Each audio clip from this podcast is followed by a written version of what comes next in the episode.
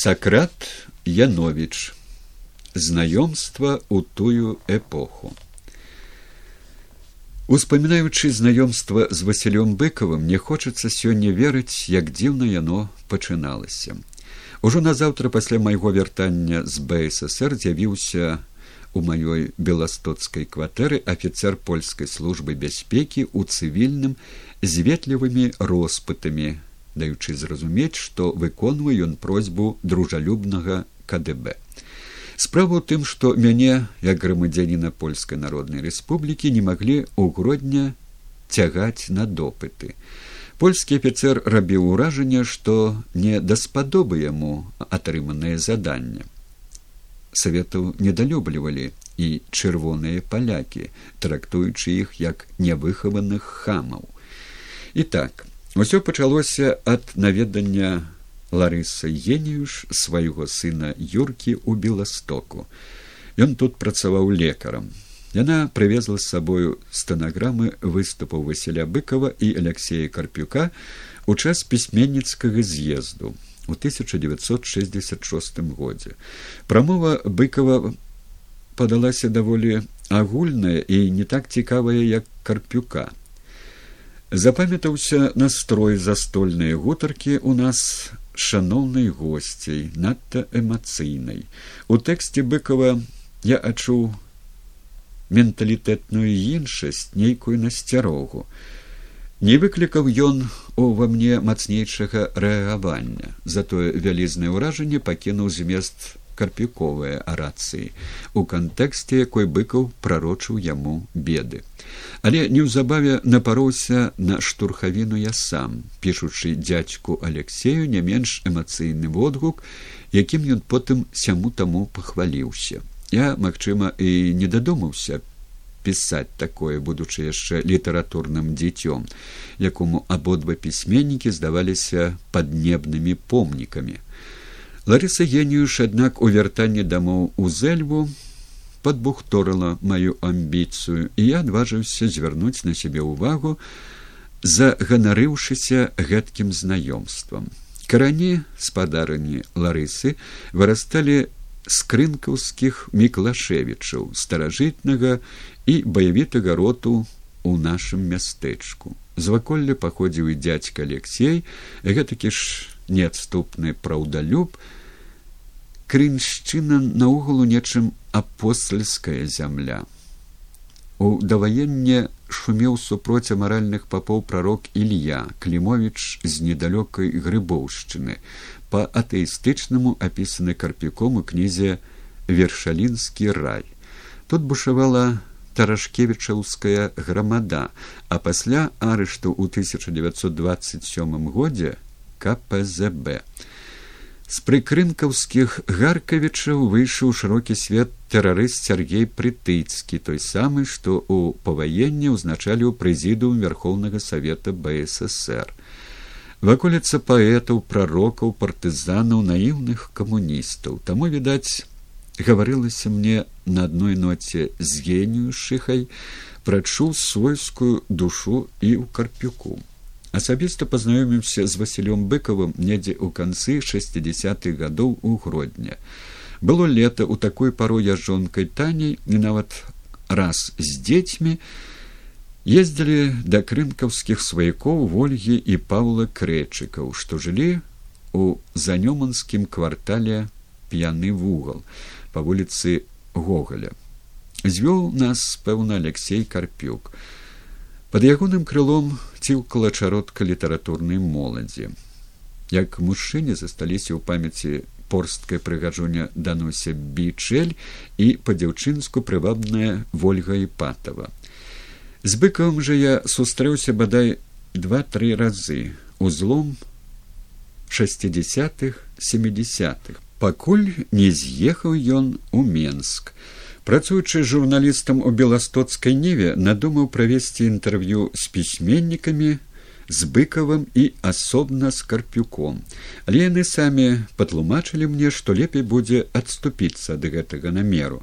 Лепей для іх і для мяне, зрэшты, за каторымсьці разам мой шэф нешта прамармытаў, што гэты нумар не пройдзе, трэба чакаць партыйных установак, якія у правінцыйным свеце вышэй законаў. Дарэчы, будзе зазначыць, што гродзенскія сустрэчы з васілём быкавым зліваюцца цяпер у адну нічым асаблівым не адрозніваючыся. Васіль усё азіраўся за сябе, што мяне крыху смяшыла, ведаючы сёе тое пра сучасныя метады паліцэйскай інвігіляцыі. Мы абавязкова ішлі ў поле роўнае поле, у якім чалавек бачны на вярсту. Там сабе нагаварыліся, зважаючы, каб не голасна. Схільнасць да ўсмешак бралася ад таго, што мне не прыходзіла ў галаву, каб на аднаго чалавека на адзінюсенькага Васіля быкова нехта ў КДБ траціў столькі сродкаў ды штатных гадзінаў. На мой розум гэта проста не аплачвалася. Васіль сказаў: ты не даеш рады думаць па-савецку. Апарат кДб гэта рэспубліка ў рэспубліцы. Ён сённяшнім часам ужо не вельмі чым мае заняцца. Шукае сабе работы каб не скарацілі штатаў. У сваіх рапартах напішуць больш чым ты сказаў і зарабіў хто гэта праверыць? Яны самі сябе уяўляючы сабою за трыццацігадовага юнака недаўмеўся, што расійскі камунізм робіць з мяне дурня. Вялікія ідэалогіі характарызуюцца тым, што намагаюцца перайначыць чалавецтва на свой капыл. Рана позна канчаецца ім тое татальнай катастрофаю. Свет вельмі шматпамерны бальшавізм страшны тыповы для рускіх у якіх спрадвеку няма пашаны да асобы ужо ў грамадзянскую вайну расстрэльвалі цэлыя дывізіі белых што здаліся ў палон Праўда, пра апошнюю вайну настолькі глыбока схаваная, што нават слоўка праўдзівай даводзіць людзей улады да шалёнай злосці. Цынізм новавыхаванага савецкага чалавека зводзіцца да жывёльнай барацьбы за большы кавалак сабе. Быкаў бачыў, што я зялёны зялёненькі і мне не стае грамадскай адукацыі. Папраўдзе цікавіў я яго не як пачынаючы пісьменнік, а як экземпляр маладзёна з іншага, не з бальшавізаванага свету. Савецкі саюз не паддасца еўрапеізацыі, бо ссср гэта рассея, а рассея не еўропа, іншы кантынент, у якім тая ж Еўропа усяго паўвостраў. Расія ніколі не разлівалася на самой справе, толькі ўсё кагосьці даганяла, па-мангольску анексавала, пашыралася тэрытарыяльна. Парадокс яна сама сябе рабуе. Заходзілі мы ў поле далёка і ўсё ў руху, каб кэдэбістам цяжэй было пацэліць у нас следчай электронікай, магчыма, падслухаць размову радуюсам у тры кіламетры. Пад новы год бывала абменьваліся святочнымі паштоўкамі. Чытаючы яго банальную фразу, нязменна чуўся ў ушах досыць манатонны ягоны скепсіс. Будзе так ці не, пажывём, пабачым калі прападзе беларуская мова прападуць і самі беларусы.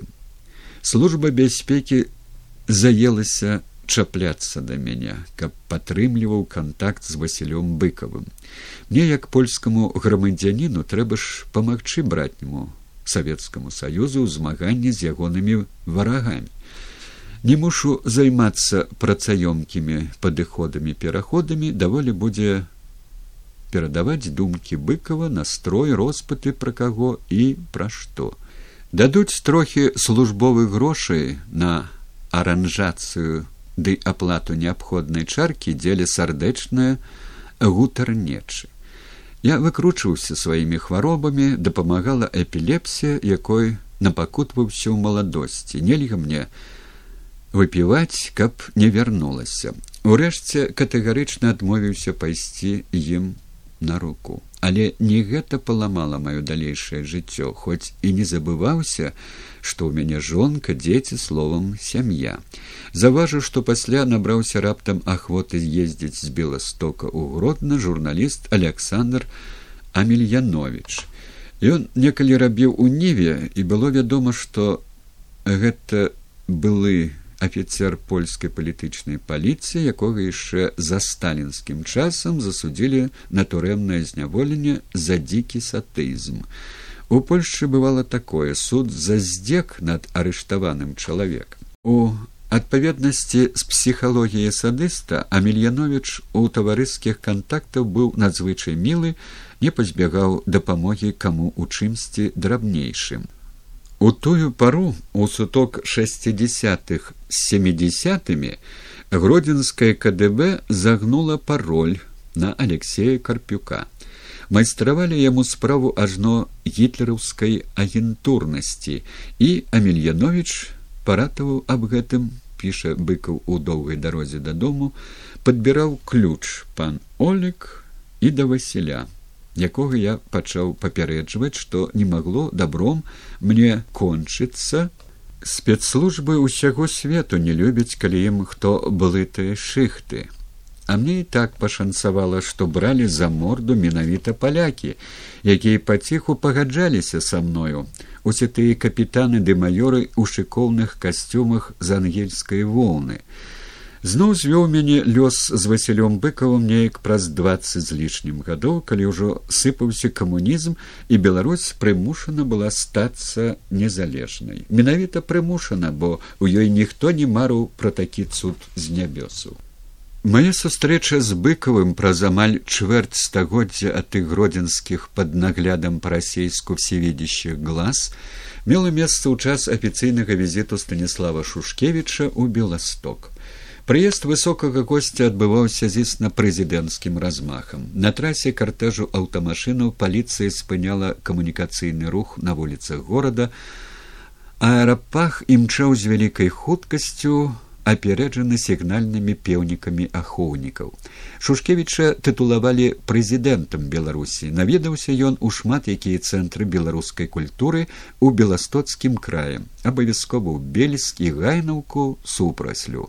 Мы польскія беларусы перажывалі эйфарыю. Нам круцілася ў галаве ад шчаслівасці. Нарэшце не сіроты мы Еўропы, за намі стаіць нацыянальная дзяржава па сёння не магу сцяміць па чыёй рэкамендацыі далучылі мяне да польскага ўрадавага боку. І я уведаўшы што са спадаром шушкевічым ёсць василь быкаў пажадаў знаходзіцца побач яго.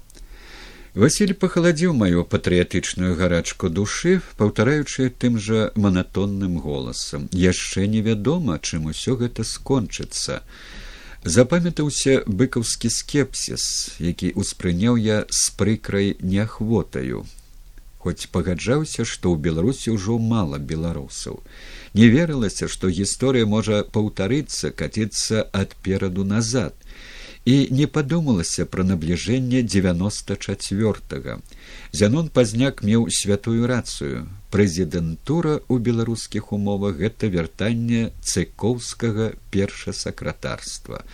Толькі парламенцкая дзяржава здольная асвяжыць закасцянелую вякамі нацыю. Спасёт рассію не бог не царь і не герой.